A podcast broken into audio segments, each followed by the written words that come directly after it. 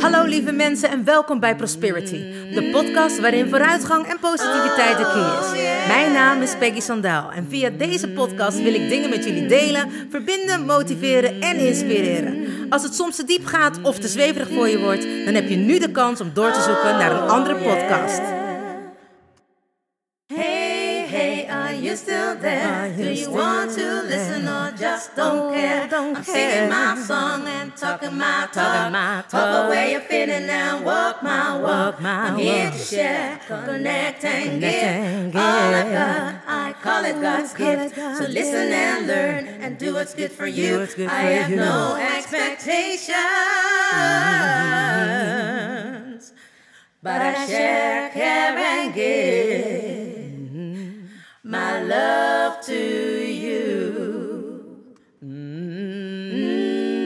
Hey, wat super! Je bent er nog. Nou, welkom gelijkgestemde. Ik heb er zin in. Let's go! Oh yeah. Hallo, hallo lieve mensen.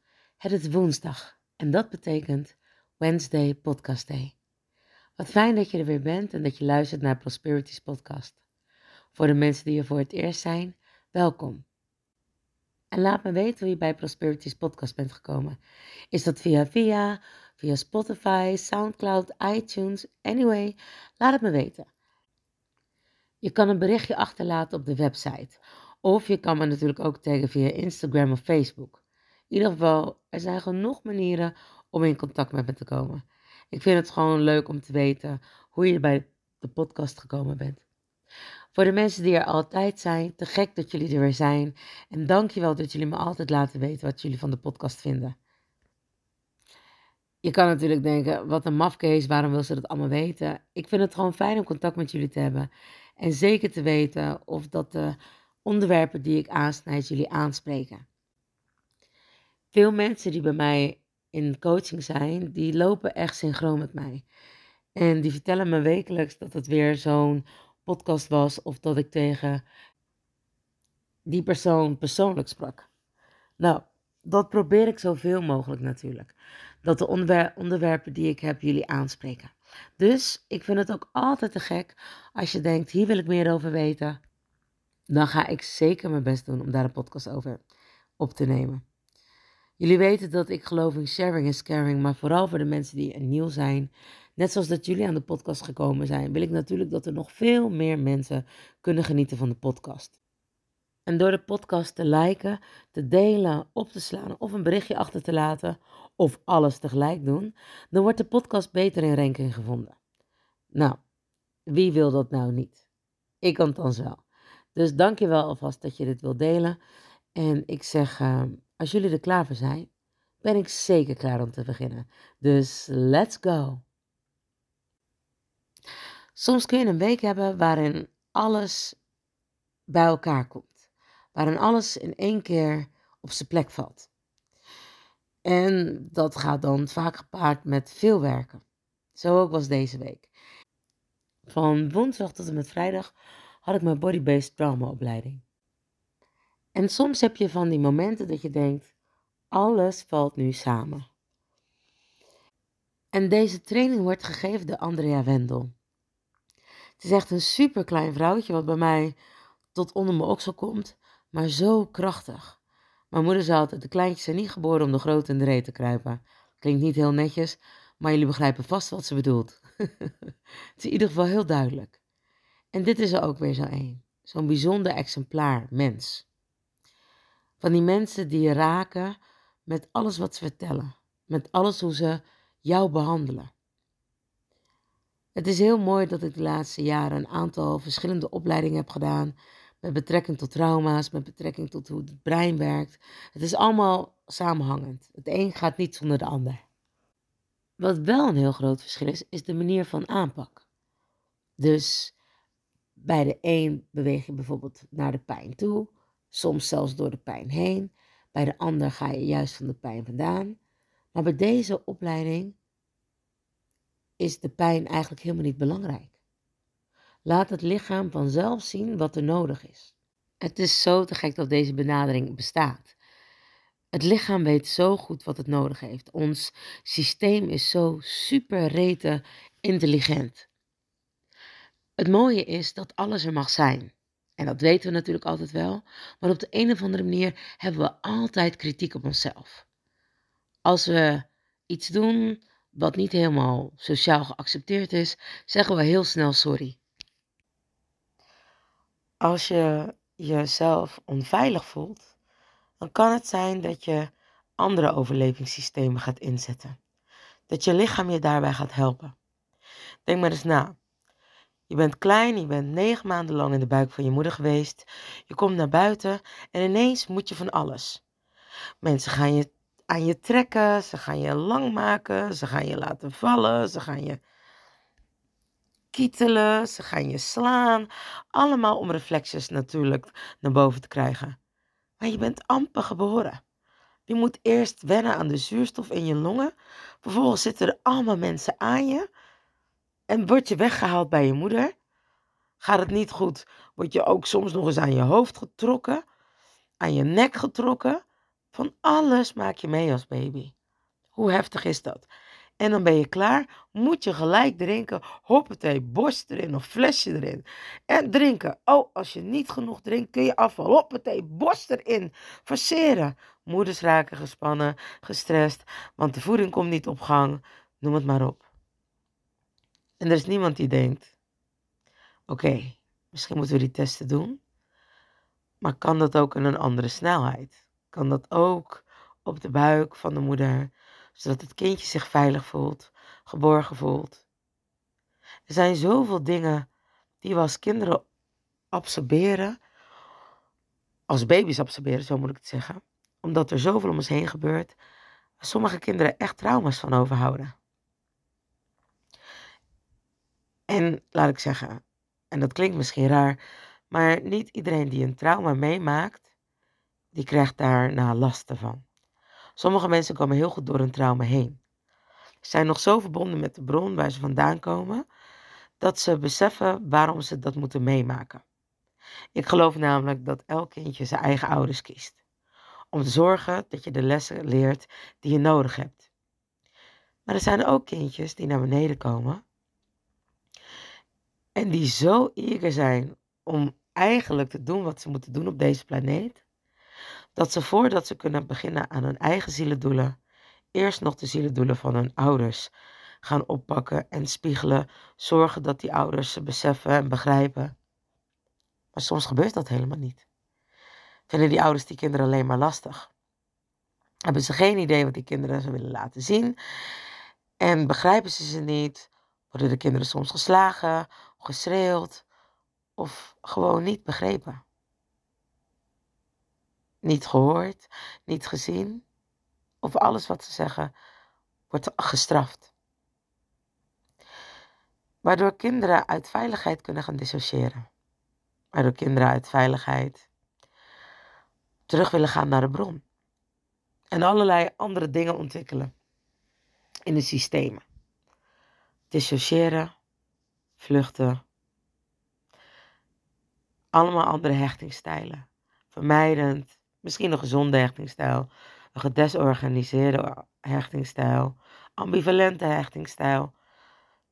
Alles wat je maar kan bedenken, kan ontstaan door hoe je ouders met jou zijn. En hoe gek het ook klinkt, wij hebben zelf onze ouders gekozen. En wij hebben blijkbaar die lessen nodig om daar volwassen te worden. Maar, zoals ik al zei, door de manier waarop je ouders met je omgaan, of misschien wat er nog zelfs daarvoor is gebeurd, hoe je verwekt bent, of hoe je in je buik van je moeder hebt gezeten, ben je altijd ook nog belast met het materiaal van je voorouders. Wanneer jij in de buik van je moeder zit, is dat al na vier weken aanleg wanneer jouw moeder in de buik van je oma zit. Dus jij krijgt dingen mee van twee generaties. En als je dus beseft dat oma ook die twee generaties in, zichzelf heeft en moeder ook, kun je nagaan van hoeveel voorouders terug. Dus het kan soms zes, zeven generaties terug zijn dat wij dingen absorberen. Dat wij erfelijk materiaal meekrijgen. dat wij angsten, uh, talenten, dat we alles mee kunnen krijgen. Zowel de goods als de bads. Maar hoe ga je daar nou mee om? Wat doe je nou als jij erfelijk belast bent met trauma, als je misschien met heel veel talent geboren bent? Of als je op latere leeftijd iets meemaakt waardoor het niet helemaal goed meer met je gaat? Hoe kom je daarvan af? Nou, Tara. Soms heb je mensen in het leven die jouw leven compleet veranderen. Ik heb me heel lang een soort van buitenstaander gevoeld, alleen gevoeld, omdat ik vanaf mijn vierde al dingen kon zien, voelen, horen, ruiken, proeven, die andere mensen niet konden zien, horen, voelen, ruiken, proeven. En zoals ik al vaker zei, mijn zintuigen zijn beter ontwikkeld dan die van een ander. En ik weet zeker dat er meerdere mensen zijn die zich soms als een buitenstaander voelen, die net anders zijn dan anderen. Dat komt omdat je misschien inderdaad hetzelfde hebt als ik. En laat ik zo zeggen, ik had zwakbegaafde ouders. Dus ik moest van jongs, af aan al eigenlijk vroeg co-reguleren met mijn ouders. Ik moest altijd oplettend zijn om te zorgen dat ik begreep wat er gebeurde. Ik zorgde voor mijn broer. En als het kon, zorgde ik ook voor mijn zus. Toen kwam ik in een ander gezin en daar, voordat ik daar kwam, was ik bij mijn tante. Mijn tante was iemand die ook een enorme gebruiksaanwijzing had. Die behoorlijk alcoholist was, een heel laag zelfbeeld en dat botvierde op mij en mijn broertje. We werden echt behoorlijk mishandeld. Toen kwam ik bij mijn ouders en die kregen eigenlijk volgens mij ook gelijk een soort van trauma omdat ik daar kwam. Want ze moesten het ineens allemaal voorbeeldig doen. Maar mijn tante dreigde continu dat ze mij konden weghalen.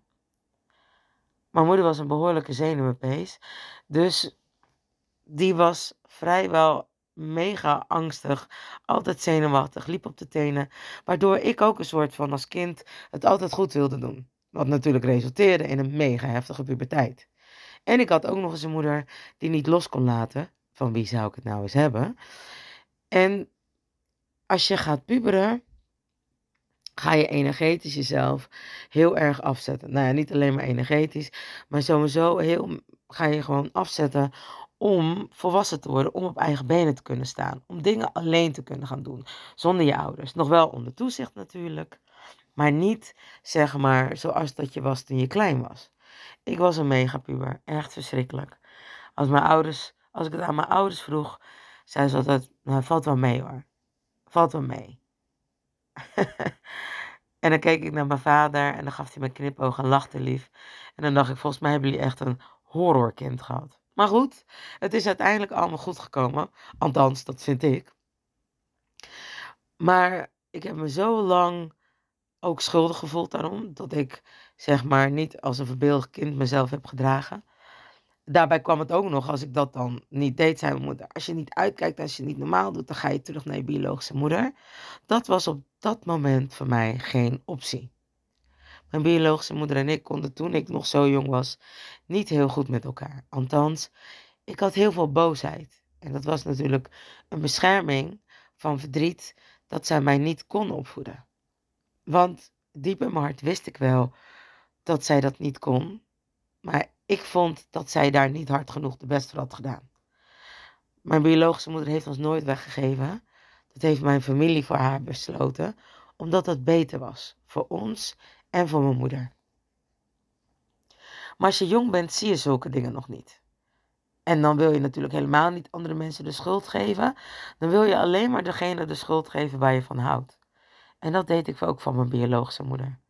Alleen, hè, haat en liefde liggen heel dicht bij elkaar. En kon ik dat dus inderdaad nog niet op die manier beseffen. Maar goed, wat ik al zei, ik wilde nooit opvallen, want ik was heel erg druk. Maar ja, als je dat niet wilt, hè, jouw brein en het universum begrijpen geen ontkennende uh, woorden, dus niet en geen, want dan gebeurt het dus juist.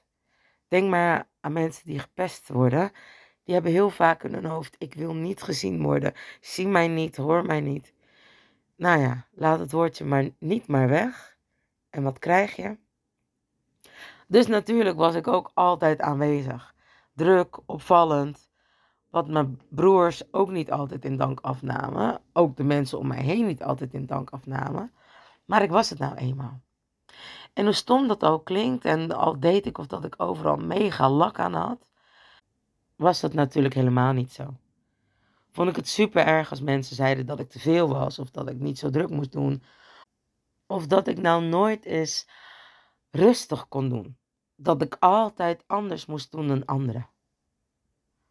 Toen ik natuurlijk naar de dansacademie ging en musicalopleiding ging doen, was dat voor mij een mega uitkomst. Maar ook daar hadden mensen er last van. Daar heb ik met mijn beste vriendin toen een enorme ruzie gehad. Omdat zij vond dat ik altijd de aandacht wilde trekken. En dat andere mensen daardoor geen kans hadden om zichzelf te laten zien. Deed ik dat bewust? Toen niet bewust. Maar heel veel andere mensen vonden dat natuurlijk wel. Dat ik dat wel bewust deed. Dat ik andere mensen geen ruimte gaf om daar ook te zijn. Dat was nooit mijn bedoeling, dat andere mensen niet de kans kregen om daar te zijn. Maar blijkbaar had ik zelf zoveel te verwerken en zoveel te doen, dat ik daardoor heel druk was en dat ik altijd de aandacht wilde vestigen op mij. Meer van hoor en zie mij. Want dat gevoel had ik, dat ik niet gehoord en gezien werd. En hoe raar het ook klinkt, want hoeveel aandacht ik ook kreeg, het leek wel of dat ik niet genoeg was dat het niet naar binnen bij mij kon. En dat had allemaal te maken met mijzelf natuurlijk. Dat ik me niet goed genoeg voelde. Dat ik me toch altijd anders voelde. Buiten het feit dat ik in een dorp woonde met alleen maar witte mensen, had ik daar geen last van bij mijn familie. Want die hielden van mij. Die hebben mij nooit het gevoel gegeven dat ik anders was. Wel dat ik natuurlijk meer aandacht kreeg omdat ik misschien een meisje was. En niet al mijn broers vonden dat natuurlijk heel leuk. Want die waren immers ook gewoon kinderen van mijn ouders. En die hadden ook die aandacht nodig. Maar ja, zoals mijn vader zei, op dat moment had jij meer aandacht nodig. Ik was nog buitenlands, ik was illegaal in Nederland. Ehm, ik was nog jong, dus ik had gewoon die zorg nodig zoals kleine kinderen nodig hebben. Ik was immers 21 maanden toen ik bij mijn ouders kwam. Maar goed, dat continu anders zijn heeft ook geloond. Het heeft me ook gemaakt tot wie ik ben. Dat heeft me zeker gevormd.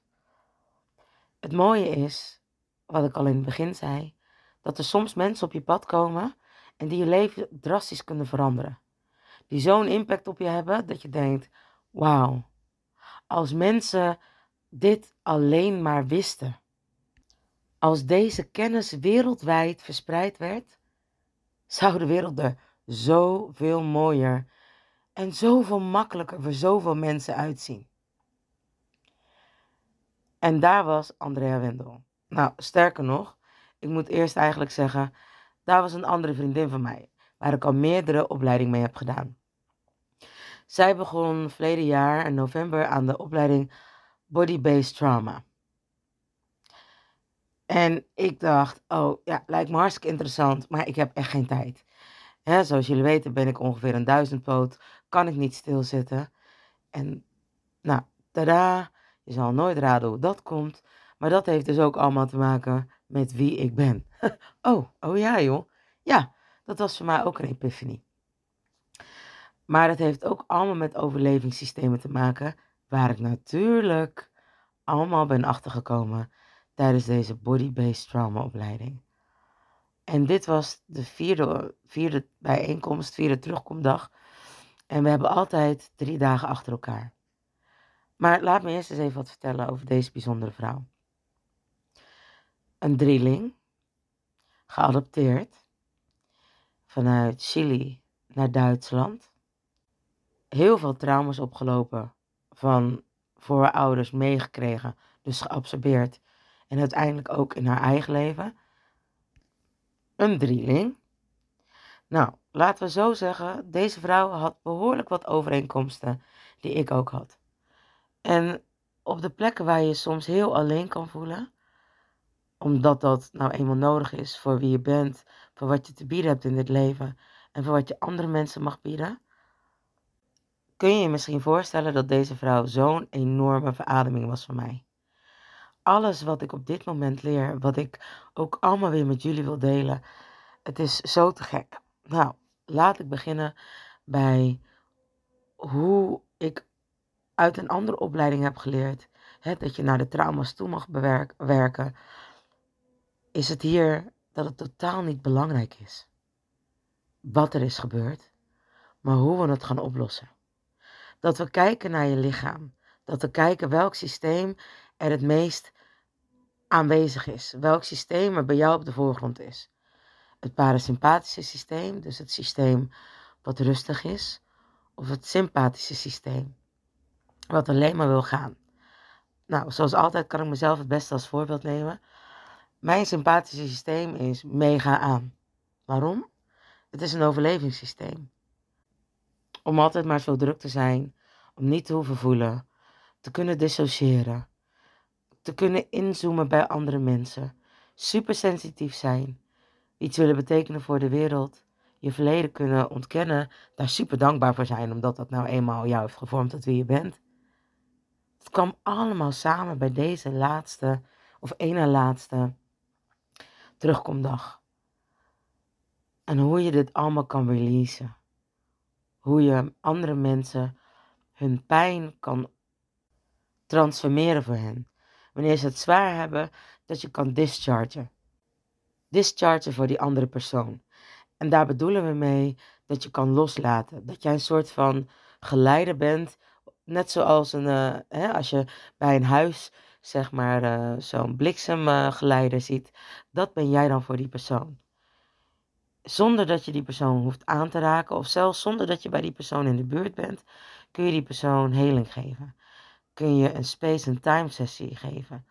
En als je wel bij die persoon bent, kun je die persoon bij je houden druk geven, tegendruk geven. Het kan zoveel losmaken bij iemand. Die gaat dan dischargen. Letterlijk kunnen overgeven. Uh, naar het toilet moeten. Uh, boren laten, winden laten, huilen, geven. Het zijn allemaal signalen van loslaten. En het is zo mooi, deze methode is eigenlijk dansen met je cliënt. Nou, dat is wat ik in elke opleiding wel heb geleerd kijken wat de persoon nodig heeft. Voelen wat die persoon moet doen. Vragen stellen. Open vragen stellen. Intelligente vragen stellen. Zodat mensen gaan nadenken en antwoorden geven. En niet te veel nadenken, maar dat ze het vanzelf, dat, ze, dat de antwoorden die zij nodig hebben vanuit hunzelf komen. Bij hun binnen zitten. Elk antwoord zit al in jezelf. En het klinkt heel cliché, maar omdat we hè, welk systeem aanzit, kun je daar soms niet bij. Wil je daar soms niet bij? Durf je daar soms niet bij? Heeft het ook te maken met dat je een teruggetrokken persoon bent, een withdrawal, of dat je iemand die heel outgoing is, een moral? En dit heeft allemaal weer te maken met hoe jij was als embryo. Hoe je jouw bewegingen hebt kunnen maken in de buik van je moeder. Wat je allemaal hebt opgevangen in de buik van je moeder. Wat ik al zei, het begint niet alleen maar bij je geboorte. Het begint al vanaf dat jij in ontwikkeling bent. Vanaf het moment dat je bij je vader weggaat en bij je moeder naar binnen komt. En dat je samenkomt van een zaadcel naar een eicelletje. Maar de methodes die ik dus heb geleerd zijn zo subtiel. Nou, het mooie was dus, we waren daar drie dagen. We krijgen van alles mee. En het is ook heel fijn omdat ik echt drie dagen kon focussen op mezelf. Want voordat je hè, het zuurstofmasker bij iemand anders op kan doen, moet je het eerst bij jezelf opdoen in het vliegtuig. En wat ik hiermee bedoel, voordat ik kan geven om andere mensen en kan geven aan andere mensen, moet ik dit allemaal eerst aan mezelf kunnen geven. Moet ik eerst door deze thema's en theorieën en praktijk heen om het aan mijn mensen te kunnen geven, of aan de mensen kunnen geven die nog niet bij mij zitten, maar dit heel graag zouden willen meemaken en willen uh, releasen en willen oplossen uit een systeem. Laat ik het zo zeggen, elke beschadiging die je hebt, valt op te lossen. Daar is natuurlijk tijd voor nodig, want wat heel veel mensen hebben wanneer ze bij mij komen, is dat ze bijvoorbeeld 45 jaar erover hebben gedaan, of 30 jaar of 20 jaar erover hebben gedaan om te zijn wie ze zijn of om hè, alle trauma's en onopgeloste verwerkingen mee te nemen naar het moment waarop ze bij mij komen. En dan eigenlijk verwachten dat alles heel snel wordt opgelost. En dat gaat niet. Geduld is echt een schone zaak. Het heeft tijd nodig om te helen. Het heeft tijd nodig om er doorheen te gaan. En ik zeg altijd, het heeft alle lagen nodig. Dus fysiek, emotioneel, mentaal, energetisch, spiritueel. Al die vijf die lagen heeft het nodig om ook letterlijk te helen. Je hebt een elektrisch lichaam, een mentaal, een fysiek, een energetisch, een spiritueel lichaam. Dat zijn allemaal lichamen die al deze trauma's of al de lessen in je leven mogen leren en ook mogen loslaten. Je hebt dus mensen die door trauma heen kunnen gaan en je hebt mensen die daarin blijven hangen. Vaak zijn dat mensen met PTSS die er dus niet goed doorheen komen. Die dat niet hebben kunnen verwerken. Dat nog helemaal in hun systeem zit. Het kan dus letterlijk uit het systeem gaan. Door deze methodes. En ik was daar zo van onder de indruk. Het heeft tijd nodig. En die tijd mag je aan jezelf geven. Om er echt doorheen te kunnen gaan. Nou, het mooie was dus dat ik er ook even doorheen moest. En het was echt epiphany na epiphany. De dingen die ze zei, en dat triggert je systeem natuurlijk ook. En ik dacht, oké, we zijn met een groep van 16, 17 vrouwen, geloof ik. En de een na de ander gaat huilen. Maar het is goed en we voelen elkaar zo goed aan. En we kunnen dischargen voor elkaar. En we kunnen loslaten voor elkaar. En iedereen voelt zich ook zo veilig om het te doen. Omdat Andrea zo'n mooie, veilige omgeving creëert voor iedereen. Dat je mag zijn. En dat alle dingen die je hebt ontwikkeld. Je je, je angsten of je hè, mensen die roken. Zij zegt dan zo mooi: Oh, ik vind het zo te gek dat je rookt. Of ik vind het zo gaaf dat je drinkt en dat je dat toe durft te geven. Of dat je verslaafd bent aan eten. Heerlijk, supergoed. Want je hebt het nodig om te kunnen bestaan. Anders zou je niet deze oplossing hebben gevonden. Ik vind het te gek dat je zo jezelf overwerkt. Of dat je zo hard werkt, dat je continu zo druk bent. Want het helpt jouw systeem om te kunnen bestaan. Als jij het anders wil, kan het. En als je mij vertrouwt, mag je het doen. Kan ik je erbij helpen? En dat is wat er allemaal gebeurde. Iedereen kreeg een stukje heling van Andrea omdat ze sprak, omdat ze haar theorieën met ons deelde, omdat ze haar methodes bij ons uitzette. En daar kwam het bij mij. Ze zei: Ja, mensen die supersensitief zijn, hebben dat al waarschijnlijk vanaf dat ze klein zijn. Soms omdat het een gaaf is, maar die ook nog meer ontwikkeld wordt omdat ze het nodig hebben om te kunnen overleven of te co-reguleren met hun ouders. Vaak zijn het mensen die alleen maar voor andere mensen hebben gezorgd. Boom. En daar werd ik geraakt. En kwamen de tranen en ik kon ze niet stoppen. Ik kon ze niet stoppen. En toen ging ze nog verder. En toen werd het echt een soort van tsunami. En ik begon te trillen en, ik, en ik, had, ik kon het niet stoppen. Ik had geen controle over mijn eigen lichaam. En dat was zo gek, want ik heb altijd controle. Maar nu even niet. En ik begon zo te trillen en ze zei: Laat het maar komen, het is helemaal goed. En toen zag zij dat ik wilde mm, disconnecten met mijn lichaam. Dus eigenlijk buiten mezelf treden, oftewel dissociëren. En ze zei: Wil je dit oplossen? Wil je hier doorheen? Ik zei: Ja, ik wil hier doorheen. Zei ze: Oké, mag ik je aanraken? Ja. En ze ging tegen me aanstaan en ze ging me druk geven en tegen mij praten. Dat ik me alleen maar moest focussen op haar stem en een punt moest nemen of iemand moest nemen om aan te kijken die mij kon helpen om weer in mijn lichaam te komen. Maar die druk alleen deed al zoveel met mij. Ik moest letterlijk bijna overgeven. Ik moest trillen, ik moest nog meer huilen. Maar het was goed. Het was of dat ik ter plekke geheeld werd. En op een gegeven moment kon ze me loslaten en was ik weer rustig. Maar was ik zo moe, het leek wel of dat er jaren van spanning uit mijn lichaam getrild was. En vervolgens zei ze, maar dit is de eerste en er komen er waarschijnlijk nog meer. Zij noemt het waves. Komen waarschijnlijk nog meer waves. Nou, hoppatee. En daar ging ik. En weer shaken en schudden en huilen. En ik, nou ja, ik vond het echt behoorlijk gênant. En zij noemt het dan de toxic shame. Dat is een soort van schaamte wanneer we moeten huilen. Dat we denken, nee, nee, dat hoeft niet. Ik, eh, ik, ben, ik ben er al overheen hoor. dat als wanneer we huilen, we dat eigenlijk niet willen. Omdat we ons dan niet groot genoeg voelen. Omdat we dan onszelf klein voelen, zwak voelen. Whatever het is waar we mee op zijn gevoeld. Dat noemen, en wat we dan ook voelen, dat noemen we toxic shame. En boom, daar kwam het.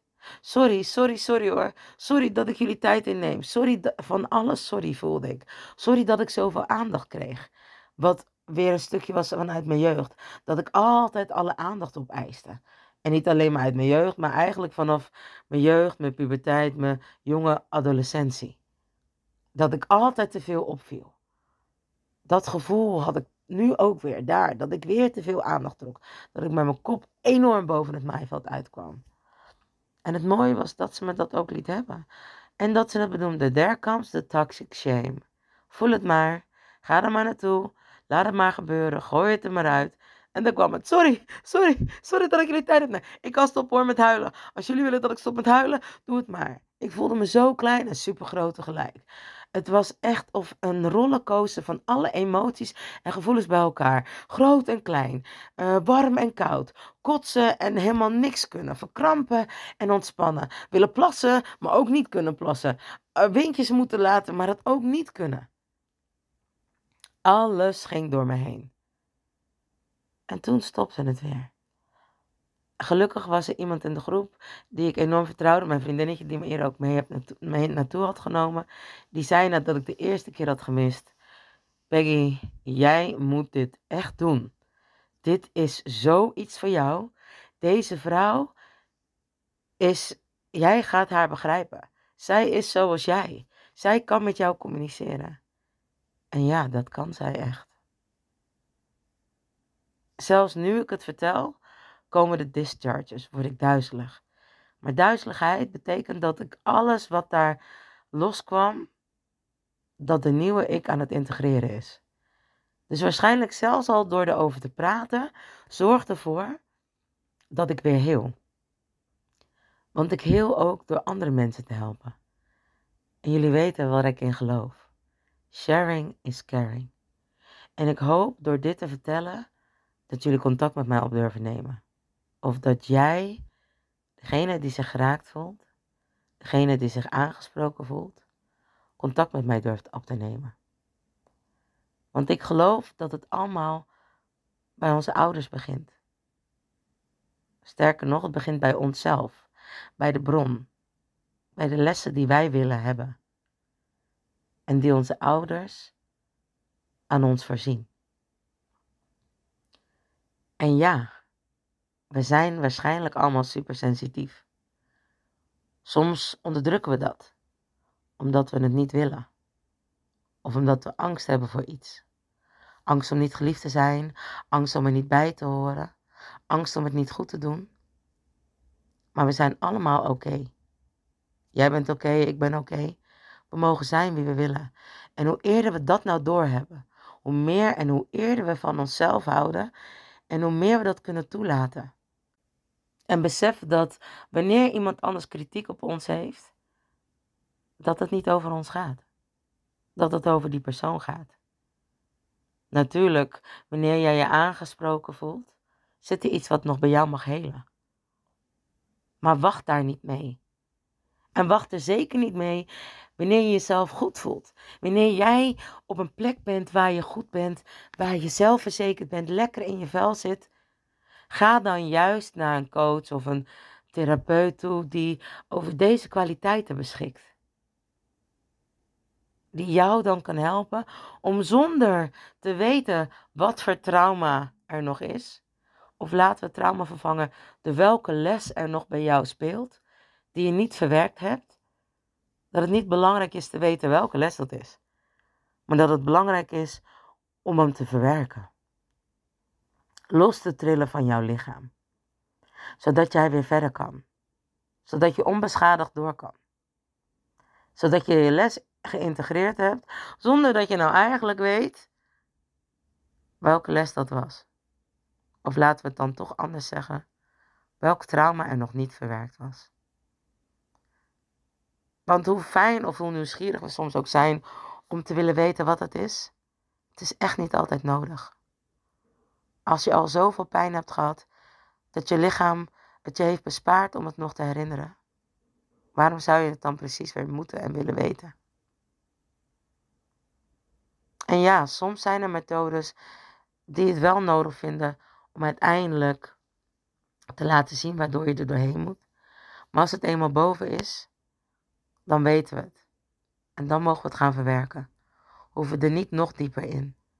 Maar kunnen we al deze methodes gebruiken om vanuit liefde en zachtheid subtiel erin te gaan en keihard weer terug te komen in je eigen kracht, je volledige potentieel en te mogen zijn wie je bent. Zoals de bron je geschapen heeft en zoals je bedoeld bent. En begrijp me niet verkeerd.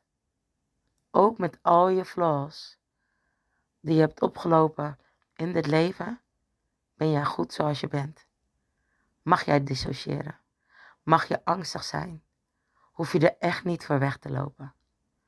Maar gebruik het om te zien waar je bent en waar je staat. Geef het toe aan jezelf, zodat je het kan oplossen. Besef ook dat wanneer je dit niet wilt, of wanneer je het ontkent, dat jij zo'n gevoelig persoon bent.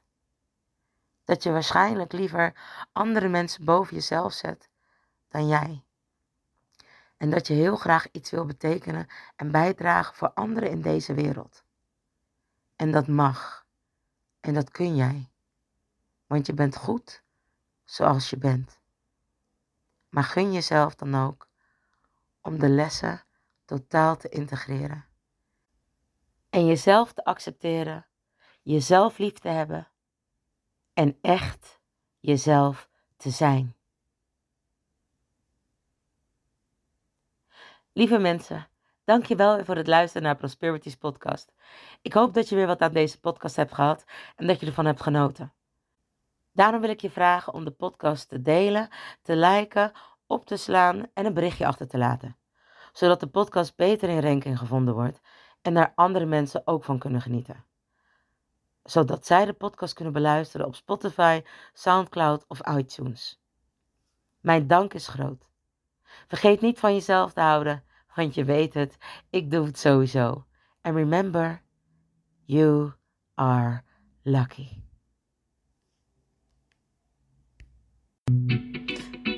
Mensen, bedankt voor het luisteren naar Prosperity, de podcast met vooruitgang en positiviteit als de key. Heb je iets aan deze podcastaflevering gehad of denk je, ik ken vast iemand die hier iets aan heeft?